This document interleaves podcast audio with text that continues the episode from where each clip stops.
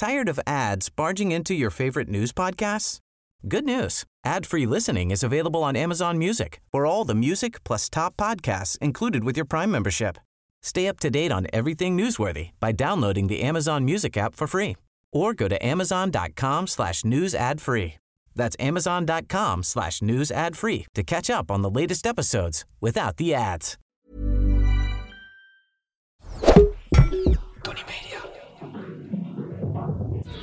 Vandaag in schotschrift Sunny Bergman.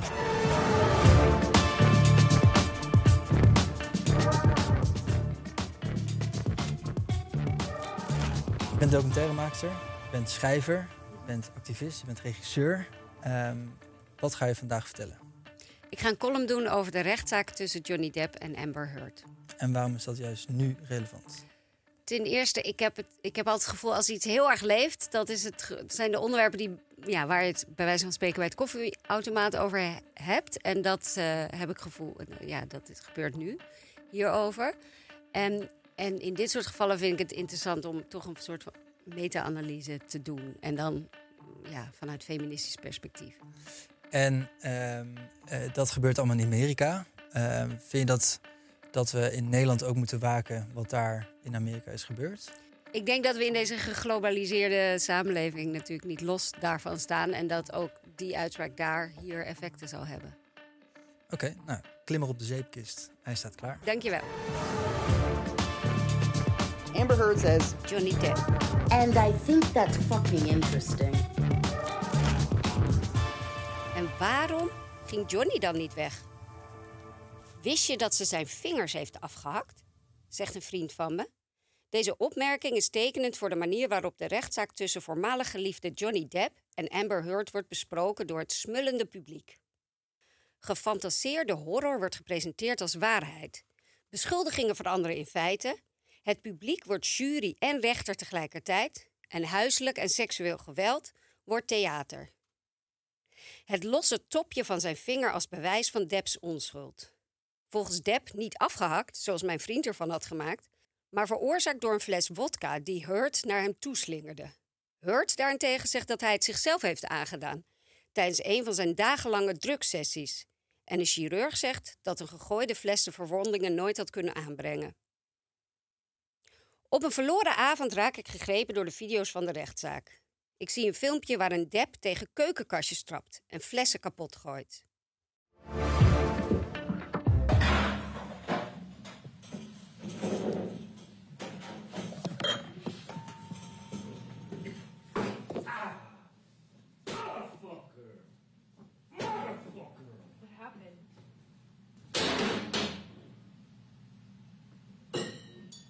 Depp vindt, als Hurt zo bang voor hem is, waarom blijft ze dan?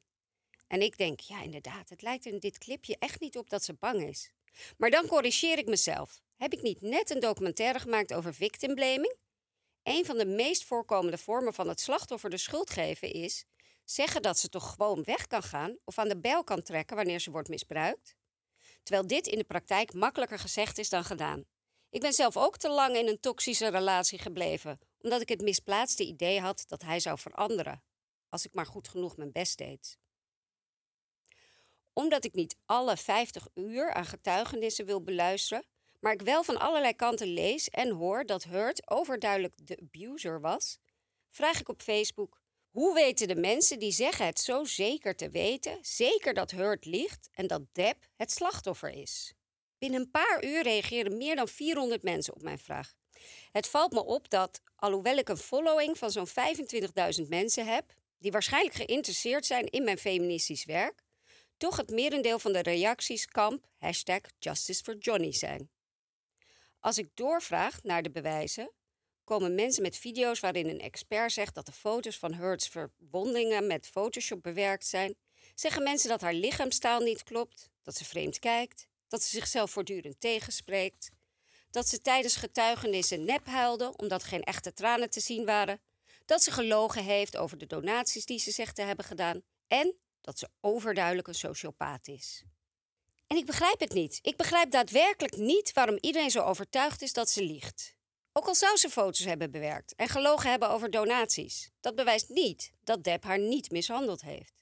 En is het niet logisch dat ze zichzelf tegenspreekt wanneer ze zich gebeurtenissen moet herinneren die meer dan zeven jaar geleden zijn gebeurd? Waarom krijgt Depp niet te maken met dezelfde victimblamerige reacties als Hurt? Waarom wordt zijn gedrag niet onder de loep genomen? En hoezo vraagt men zich niet af waarom Depp niet wegging als hij mishandeld werd? Men heeft het erover dat Hurt nep huilt, terwijl Depp helemaal geen emoties toont en zelfs grapjes maakt tijdens zijn getuigenissen. Ook rappen mensen op mijn social media uitgebreid over hoe gestoord Hurt is. Maar heeft niemand het over hoe eng het is dat Depp met zijn eigen bloed levensgrote berichten op de muur voor haar achterliet. Toont niemand afschuw over het feit dat Depp in berichten zijn echtgenoot een idiot cunt, een worthless hokker en een filthy whore noemt. Ook heeft niemand het erover dat hij in berichten fantaseert over het vermoorden en verkrachten van haar dode lichaam en dat hij zelf toegeeft haar een kopstoot te hebben gegeven. Can throw a punch. Yeah, you, screaming is okay. You can headbutt somebody screaming, but don't scream. Huh. headbutted you Couldn't believe you did that. forehead. Voor wie dit niet goed kon verstaan, Depp zegt in deze opname: I headbutted you in the fucking forehead. Depps advocaten hebben er alles aan gedaan om Hurt als onsympathiek en psychiatrisch gestoord over te laten komen. Het is een klassiek voorbeeld van de DARVO-strategie. DARVO staat voor Deny, Attack the Victim, Reverse Victim Offender Perception. Juridische victimblaming dus. Maar waarom moet een slachtoffer van seksueel geweld überhaupt sympathiek zijn? Een perfect slachtoffer bestaat simpelweg niet. Tijdens het filmen van mijn documentaire over victimblaming was de meest voorkomende vorm van het slachtoffer de schuld geven de aanname dat vrouwen golddiggers waren, die uit zijn op het geld door het doen van valse aanklachten. Dit is ook wat men denkt over Amber. Alleen, hoe kon zij, als zogenaamde golddigger, geld vergaren door het frame van Johnny Depp als vrouwenmapper? Zij heeft hem immers nooit aangeklaagd voor het geweld en had dus ook geen financieel belang. Ze had bij scheiding gewoon recht op geld en heeft toen beloofd dat geld te doneren aan goede doelen, waar zij nu van beschuldigd wordt over te liegen. Maar bij navraag blijkt dat ze overleg heeft gehad met de goede doelen omdat ze het geld gefaseerd wilde overmaken. Waarom is het scenario van een jaloerse, verslaafde, gewelddadige, machtige man die zijn woede en frustratie afreageert op zijn 23 jaar jongere vrouw zo ongeloofwaardig? Depp zelf heeft het in berichten over het monster in hem dat in bedwang gehouden moet worden. Het is een verhaal zo oud als de weg naar Rome. Eén op de drie vrouwen wereldwijd zijn slachtoffer van huiselijk geweld. Het is bovendien een geloofwaardiger verhaal dan het idee dat Hurt haar slachtofferschap compleet heeft verzonnen als onderdeel van een masterplan om Depp in een kwaad daglicht te zetten. Het zou een bijna wapeus aandoend complot zijn. Van een contactverbod in 2016 tot de foto's van verwondingen en getuigen die gehoord zijn tijdens een rechtszaak, die Depp aanspande tegen de Engelse krant The Sun, omdat die hem een wifebeater noemde in een artikel. Depp verloor de zaak en wilde tegen deze uitspraak in beroep gaan. Maar het Hof van Beroep oordeelde dat een hoger beroep geen kans maakte en verwierp zijn verzoek. Amerikaans onderzoeker Michael Hobbs zegt over de Engelse zaak het volgende in de podcast Cancel Me, Daddy. Amber Heard had alleged 14 incidents of abuse spanning 3 Mhm. years. And Mhm. one of them got thrown out on a technicality. And three of them are what you'd call like he said, she said situations, where Okay. it's like Amber Heard Mhm. says he assaulted me, and he says, no, I didn't. And there's no other evidence for or against anybody. The remaining 10, 10 of the incidents are backed up by witnesses, forensic evidence, contemporaneous texts, emails that she sent herself, diary entries. People saw her with bruises. People, Mhm. in, in one case, someone heard him assaulting her. Mhm. It, it, it sort of had been presented to me as like this murky, complicated thing. But once Yeah. you actually look at the trial in this case, I don't know of other domestic abuse cases that are better documented than this. Een nekslag voor Hurt was een opname waarin ze spottend zegt: Tell the world, Johnny. Tell them. I, Johnny Depp, a man. I too am a victim of domestic violence. Dit fragment wordt tijdens het Amerikaanse proces aangevoerd als bewijs van haar daderschap. Depp wordt alom geprezen voor de moed om naar voren te komen als mannelijk slachtoffer van huiselijk geweld. En ik ontken niet dat het belangrijk en taboe doorbrekend is dat mannelijke slachtoffers van huiselijk geweld zich uitspreken. Maar, zoals social media commentator Lady Speech stelt, als Depp daadwerkelijk een slachtoffer is, waarom wordt deze mogelijkheid dan niet aangegrepen om een plek te creëren waarin mannen hun kwetsbaarheid kunnen tonen?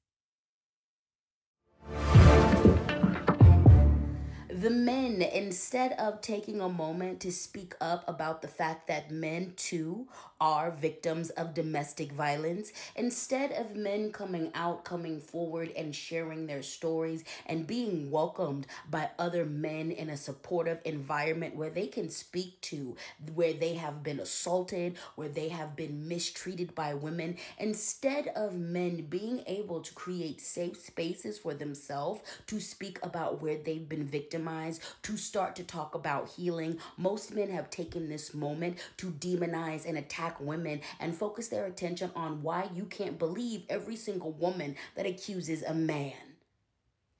And I think that's fucking interesting. What this says to me is that men ain't even safe for men. And when y'all have an opportunity to actually speak to an issue, you won't. You don't. You're gonna take that opportunity instead of healing, use it to bash a fucking woman. Het opiniestuk waar Hurt voor aangeklaagd wordt, en waar overigens heel Depps naam niet in genoemd wordt, heet I Spoke Up Against Sexual Violence and Faced Our Culture's Wrath. Ironisch gezien is de toorn van de hele wereld nu pas echt over haar uitgestort. Hurt moet vrezen voor haar leven. Ze wordt bedreigd en gestolkt en ze zal niet meer zonder bescherming over straat kunnen. Ze is een levende meme geworden, een symbool voor een hysterische, wraakzuchtige vrouw wiens pijn en trauma ongelimiteerd geridiculiseerd mag worden door miljoenen mensen op social media. Verschillende bronnen wijzen erop dat de campagne tegen Hurt een georganiseerde en gefinancierde aanval is vanuit conservatieve rechtse media, antifeministische mannengroepen en wat ook wel de menosfeer wordt genoemd. De tienduizenden blogs en sites en fora waarin mannen hun vrouwenhaat verspreiden.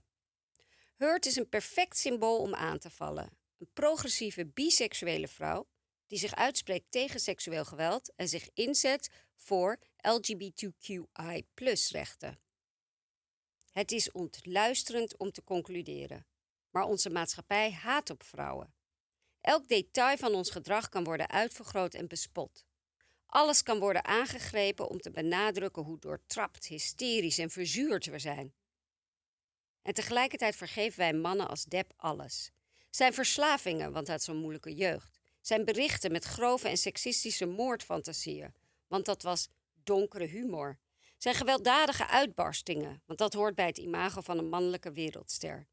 We vergoeilijken dit soort mannen. Mannen zoals zijn vrienden Marilyn Manson en Jack Nicholson, die overigens ook beschuldigd zijn van seksueel geweld. Manson heeft aangegeven zijn ex, die hem heeft beschuldigd van seksueel geweld, aan te klagen wegens smaad. En zo leidt deze rechtszaak tot het zwijgen van slachtoffers. Niet het seksuele geweld, nee, het praten over seksueel geweld wordt strafbaar. Wereldwijd zeggen experts dat de gevolgen nu al enorm zijn. Slachtoffers trekken hun beweringen en aanklachten in en rechtszaken tegen daders van seksueel geweld worden stopgezet, ook uit angst voor de Darvo-strategie. Kortom, vrouwen durven zich niet meer te uiten en daders voelen zich gesterkt in hun recht om iemand te beschuldigen van smaad. Deze uitspraak en de gevolgen ervan zijn de ultieme wraak van iedereen die zich door hashtag MeToo bedreigd voelde. Columnisten denken dat ze overal weg mee kunnen komen. Uh, dat is bij schotschrift niet zo. Daarom is hier Willem Treur om niks heel te laten van de column van Sunny. Um, Sunny, Mhm. wat een heerlijke column. Het lijkt net alsof je eventjes helemaal tegen de gevestigde orde in wilde gaan. Met jouw uh, mening. Nou, ik ben niet de enige natuurlijk. Maar uh, ik, het, het, het, was, het kwam wel vanuit een gevoel uh, dat, dat ik iets wou inbrengen tegen de gevestigde publieke opinie. Want de gevestigde publieke opinie is heel erg pro Johnny Depp mm -hmm. geworden. Want het was volgens mij wel echt heel wat minder voordat dit laatste proces eh, is eh, gestart. Heb, heb je daar eh, een probleem mee? Dat het pro Johnny Depp is? Nou, ik heb vooral een probleem mee dat Amber Heard zo kapot wordt gemaakt en met zoveel genoegen dat gedaan wordt. Het is een beetje alsof iemand al op de grond ligt en iemand trappen tegen iemands hoofd zit te geven. En dat die Wat ongebruik. maakt dat zij op de grond ligt, vind jij? Nou, ze was al aan de verliezende hand. Het was al vanaf het begin eh, natuurlijk duidelijk dat iedereen kamp Justice for Johnny was. Is dat echt vanaf het begin duidelijk? Want ik had het idee dat voordat deze zaak begon... Nee, ik bedoel aan het begin van de rechtszaak, vrij snel. Ja, ja, ja. Ja. Ehm, ik, ehm, en wat, wat, ik, wat ik frappant vind en waarom ik me erover nou ja, ging inlezen toen jullie me vroegen voor deze column, was dat, je, dat de haat zo intens is dat, dat, dat zelfs een Epstein of een eh, Harvey Weinstein niet die haat eh, zeg maar wereldwijd op zich af zag komen. En ja, Dat is wel een interessante vergelijking, vind ik eigenlijk. Wat, heb je enig idee wat dan zou maken dat, dat dit mensen zoveel eh, meer emotioneel laat reageren? ik heb zelf het idee dat, dat mensen toch zoiets hebben na MeToo van d- eh, dat idee van geloof slachtoffers, geloof vrouwen als hun verhaal doen. Dat mensen zich daar heel erg aan ergeren. En dat nu zoiets van, zie je nou wel, je kan, je kan vrouwen niet geloven. Ik heb eigenlijk met alle twee een beetje een bezwaar. Dus een, een, eh, als je heel erg zegt, nou, eh, geloof vrouwen maar niet, die zijn iedereen aan het manipuleren. Dat lijkt me nogal eh rare houding. Maar als je nou zo'n beweging hebt die op een gegeven moment zegt believe women, en dat wordt op een gegeven moment best wel nadrukkelijk believe all women. Mhm. Vind jij zelf niet dat daar nadelen aan kleven als je een believe all women cultuur zou krijgen? Kijk, er zijn verschillende dingen. Ik denk dat je in, de, in, een, in een rechtszaak eh, moet natuurlijk gewoon goed onderzoek gepleegd worden en is, moet je niemand geloven. Maar als je het hebt over een, eh, eh, bijvoorbeeld in interactie, stel dat een vriendin bij jou komt en zegt ik ben slachtoffer van seksueel geweld, dan denk ik in ieder geval dat het beter is voor haar als je haar op dat moment gelooft en dat je niet allerlei kritische vragen gaat stellen, omdat dat snel victimblamerig over kan komen. Het is natuurlijk een beetje een tegenreactie omdat het is, het is onderdeel van een emancipatieproces. En ehm, als je kijkt naar de cijfers, is het gewoon schrikbarend hoeveel vrouwen tussen de 30 en de 50 procent van alle vrouwen, eh, als je nou ja, al gelang naar verschillende onderzoeken, zijn slachtoffer op een gegeven moment in hun leven van seksueel geweld, aanranding of verkrachting of seksueel overschrijdend gedrag. Dat is zo'n groot aantal dat eh, de kans heel groot is dat een vrouw gelijk heeft als ze het daarover heeft. En de kans is veel kleiner dan dat ze een onterechte eh, beschuldiging uit. Dat zijn, als je kijkt naar bijvoorbeeld de cijfers van hoeveel mannen worden veroordeeld na een verkrachting, is dat 0,5 procent. Terwijl hoeveel vrouwen doen een valse aangifte is heel klein. Dus de kans dat een man ermee wegkomt is veel groter dan dat, de, dat een vrouw een onterechte eh, beschuldiging doet. Is het niet ook zo dat bij, het, bij valse beschuldigingen dat het ook, eh, als die wel gedaan worden, niet zozeer heel vaak tot, tot rechtszaken leidt? Dat dat meer zich vaak in de privésfeer afspeelt? Ja, wat je natuurlijk nu wel ziet, is dat trial by media idee. Dat mensen eh, uit frustratie, denk ik ook, over die falende rechtsstaat. Of over, over dat, het falen van. Nou ja, dat, dat, verkrachtingen en, en, en aanrandingen eigenlijk bijna nooit tot veroordeling leiden. Dat mensen hun genoegen gaan uiten op social media. En dat is natuurlijk soms wel discutabel. Omdat, eh, ja, omdat je dan niet de normale ja, onderzoeken hebt die je binnen een rechtszaak wel hebt. Ik, ik, ben, ik vind dat dubbel. Want, want, want ik denk enerzijds vind ik het emanciperend voor slachtoffer... dat ze, dat ze hun verhaal kunnen doen. Aan de andere kant eh, heb ik ook ja, wel gezien... hoe levens kapot gemaakt kunnen worden. Voor, voor vrij onschuldige dingen. Ik vind het heel moeilijk om dan weet je, een of ander percentage te fingeren. Maar je, ik heb wel het idee dat het niet bijvoorbeeld heel zeldzaam is dat, dat mensen elkaar ongelooflijk manipuleren en ook kapot willen maken. Of heel erg over de gaan over- Achteraf, bij een Ja, relatie. Ja, of heel erg gaan overdrijven. Dus dan zijn er rottige dingen gebeurd. Een soort en- wraakzuchtig zijn. Ja. Maar ik, ik bedoelde dus daarmee een beetje naartoe te gaan dat als je in een, in een rechtszaak iemand gaat eh, aanklagen en, je, en eh, het wordt gewoon bewezen dat jij dat totaal eh, verzonnen hebt, dan, dan dat is natuurlijk een hele hoge drempel om over te gaan. En dat zal eh, misschien ook een beetje om in te haken op, op wat je daar ook over zegt. Dat, dat wordt natuurlijk nu misschien een consequentie van, van de zaak die Amber Heard eh, verloren heeft.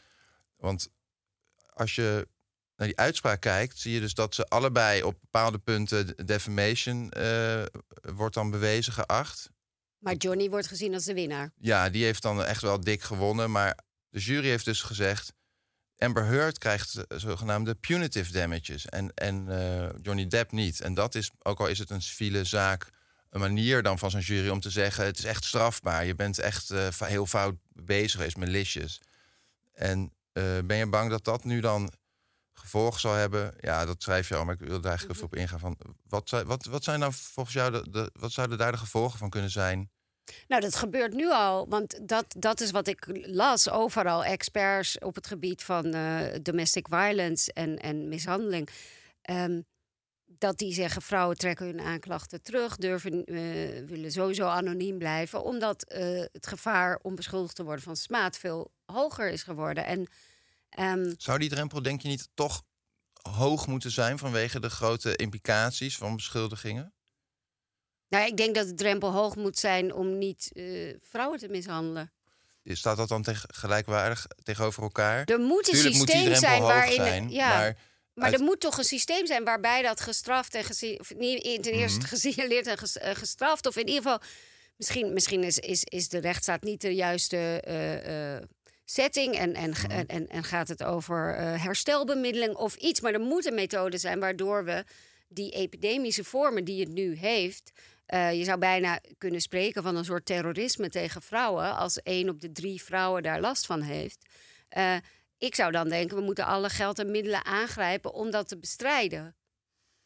En dan, en dan ja, op het moment dat de aandacht verschuift naar sommige vrouwen, heel soms doen een onterechte. Maar is dat heel soms? Is dat niet... En omdat ik bezig was met die documentaire over victim blaming, sprak ik met Iva Bikanic, als ik het goed uitspreek. Van, eh, zij is directeur van het Centrum eh, tegen, niet voor, tegen seksueel geweld. En zij vertelde dat zij dit werk, eh, nou ja, als psycholoog, daar helpt ze de slachtoffers. Dat, zij zei van, ik doe dit werk al 25 jaar.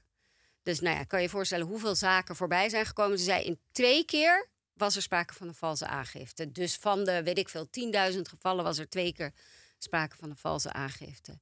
En, en het is ook helemaal niet reëel om te denken eh, dat, dat mensen dat vaak doen. Want het is helemaal niet leuk om naar buiten te komen. Om te zeggen, ik ben slachtoffer van seksueel geweld. Eh, op een gegeven moment zeg je in je column... Ik ontken niet dat het belangrijk en taboe doorbrekend is... dat mannelijke slachtoffers van huiselijk geweld zich uitspreken. Mhm. Maar zoals social media commentator Lady Speech stelt... als Deb daadwerkelijk een slachtoffer is... waarom wordt deze mogelijkheid dan niet aangegrepen... om een plek te creëren waarin mannen kwetsbaarheid kunnen tonen? Ik, ik, wat, wat bedoel je daar eigenlijk precies mee? Nou, ik heb het idee dat mensen zeggen van... zie wel, mannen kunnen ook slachtoffer zijn. Amber Heard is een psychotische gek. Mhm. Dus dat er niet wordt gezegd van... nou, laten we daar dan over gaan praten. Ik heb ooit een documentaire gemaakt... waarin ik een eh, mannelijkheid onderzoek. En eh, er is zo die, nou ja, die term die overal rondgaat over toxic masculinity... dus toxische mannelijkheid. En dat is eigenlijk, eh, komt neer op het idee dat, dat de, stereotype idee van mannelijkheid is... mannen praten niet over hun gevoelens, ze zijn hard, ze zijn stoer. Nou ja, je kent het wel. En, en als gevolg daarvan dat, dat het heel moeilijk is voor mannen om, om kwetsbaar te zijn... om over hun emoties te praten. En dat leidt tot bovengemiddeld meer, bij mannen meer depressies... en meer vooral verslavingsproblematiek omdat ze dat maar ja, moeten onderdrukken als je er niet over mag praten. En eh, toen we die film, de, eh, eh, die film maakten, was er ook iemand die zei: ik, ik ben door mijn vrouw in elkaar gemapt. En hij was, vond het zo eng. En hij zei: Het moet uit die film. Het kan er niet in. Hij vond het zo erg om toe te geven dat hij slachtoffer was, omdat het niet hoort bij het idee van mannelijkheid. Dus wat dat betreft is het supergoed als mensen gaan praten over man, de man als slachtoffer.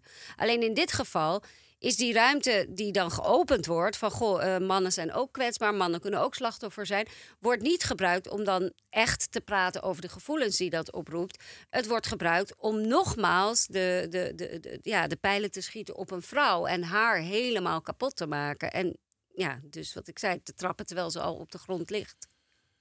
Zouden niet kunnen stellen dat, dat, dat deze zaak, misschien is een onwijze cliché-opmerking, maar echt, echt alleen maar verliezers kent?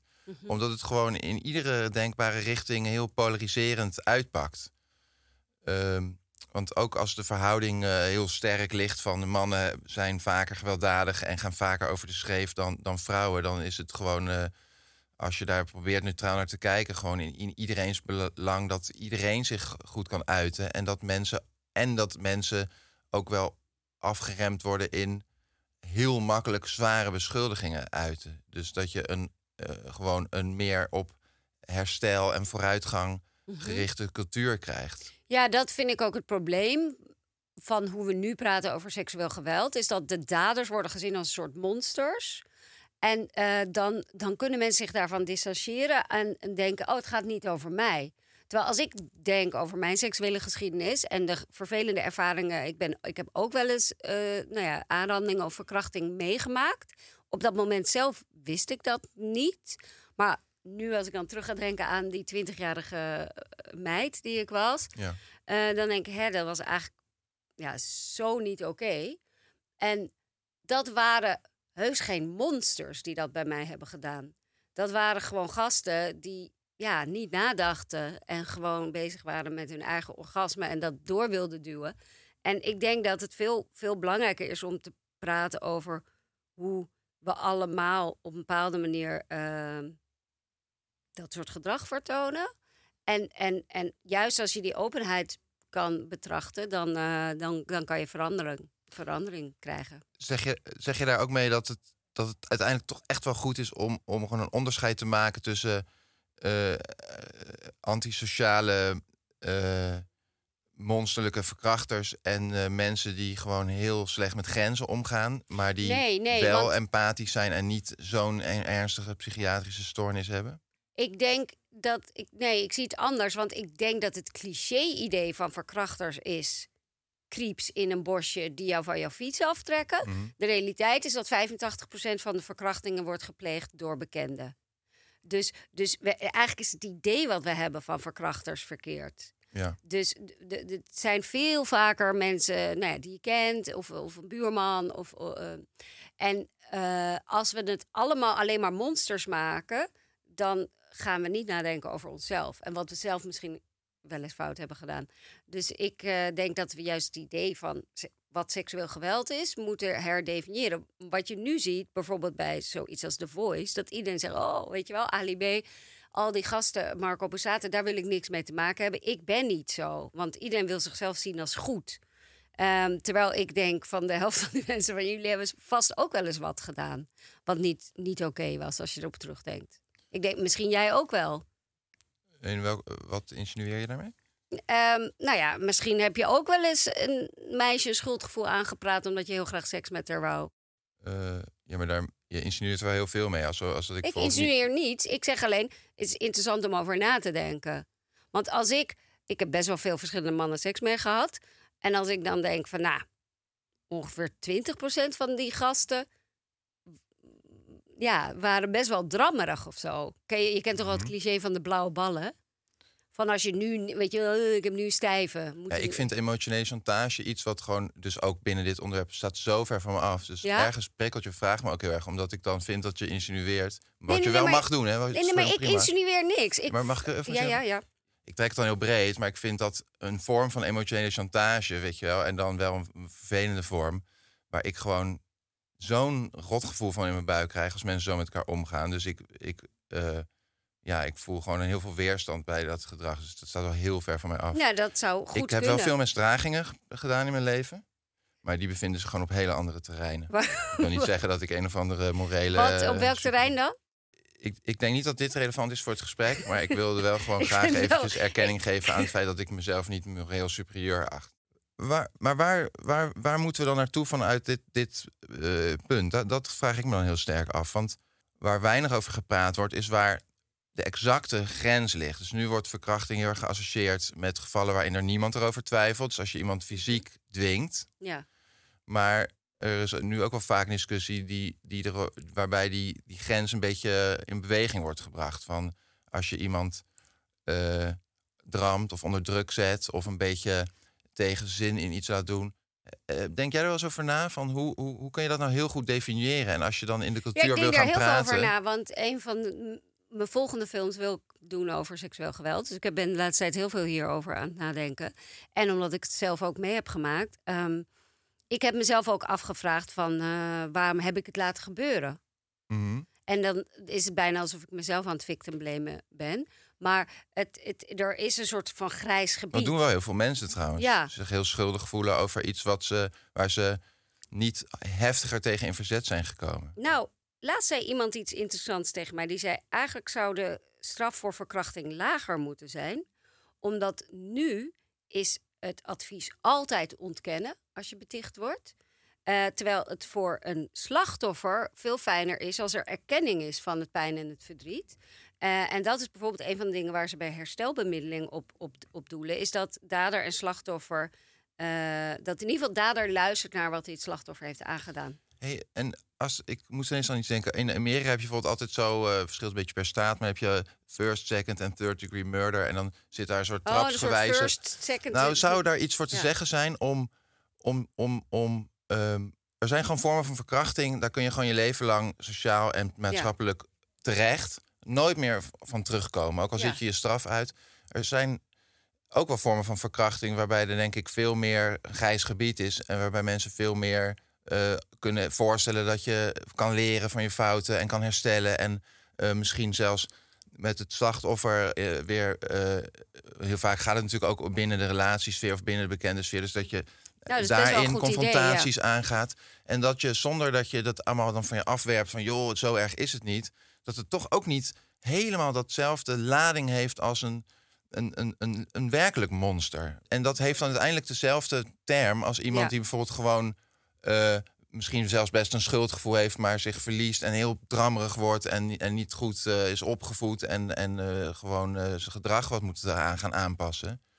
Die wil natuurlijk niet toe, iets toegeven wat hetzelfde label heeft als, wie, wie- noem maar een, een verschrikkelijke crimineel. Ja, dat is best wel een goed idee van jou. Want dat is dus ook, volgens mij komen we elkaar daar op uiteindelijk wel heel erg in tegen. Dat we allebei gewoon geïrriteerd raken over wat deze zaak. Eh, Dat het gewoon heel erg het gesprek kapot maakt. In plaats van een goed gesprek op gang brengt. Maakt niet zoveel uit of wij een beetje allemaal wat andere invalshoeken hebben. Maar Nee, want het is, kijk, we kunnen nou uiteindelijk natuurlijk niet weten wie gelijk heeft. Amber Heard of Johnny Depp, dat weten ze alleen zelf. Ehm, en, en wat ook interessant is bij deze zaak, is omdat alles beschikbaar is, al die geluidsopnames en getuigenissen, verslagen, en dat iedereen een soort van, iedereen is sowieso obsessed met true crime eh, Netflix-series, dus iedereen heeft een beetje het gevoel, oeh, ik kan nu zelf die rechercheur het zijn. wordt Ik heb- alsmaar meer een populair eh, Ja. vermaak. Ja.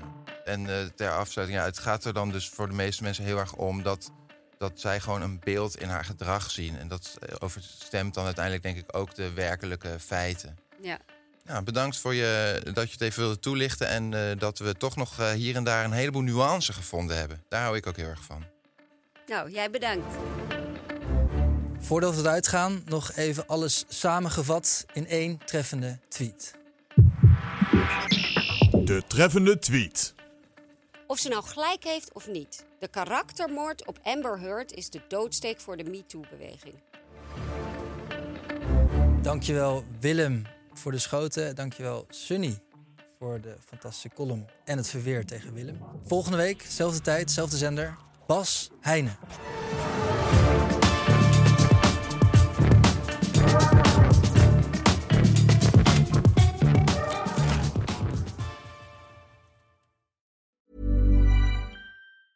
Tired of ads barging into your favorite news podcasts? Good news. Ad-free listening is available on Amazon Music. For all the music plus top podcasts included with your Prime membership. Stay up to date on everything newsworthy by downloading the Amazon Music app for free or go to amazon.com slash news ad free. That's amazon.com slash news ad free to catch up on the latest episodes without the ads.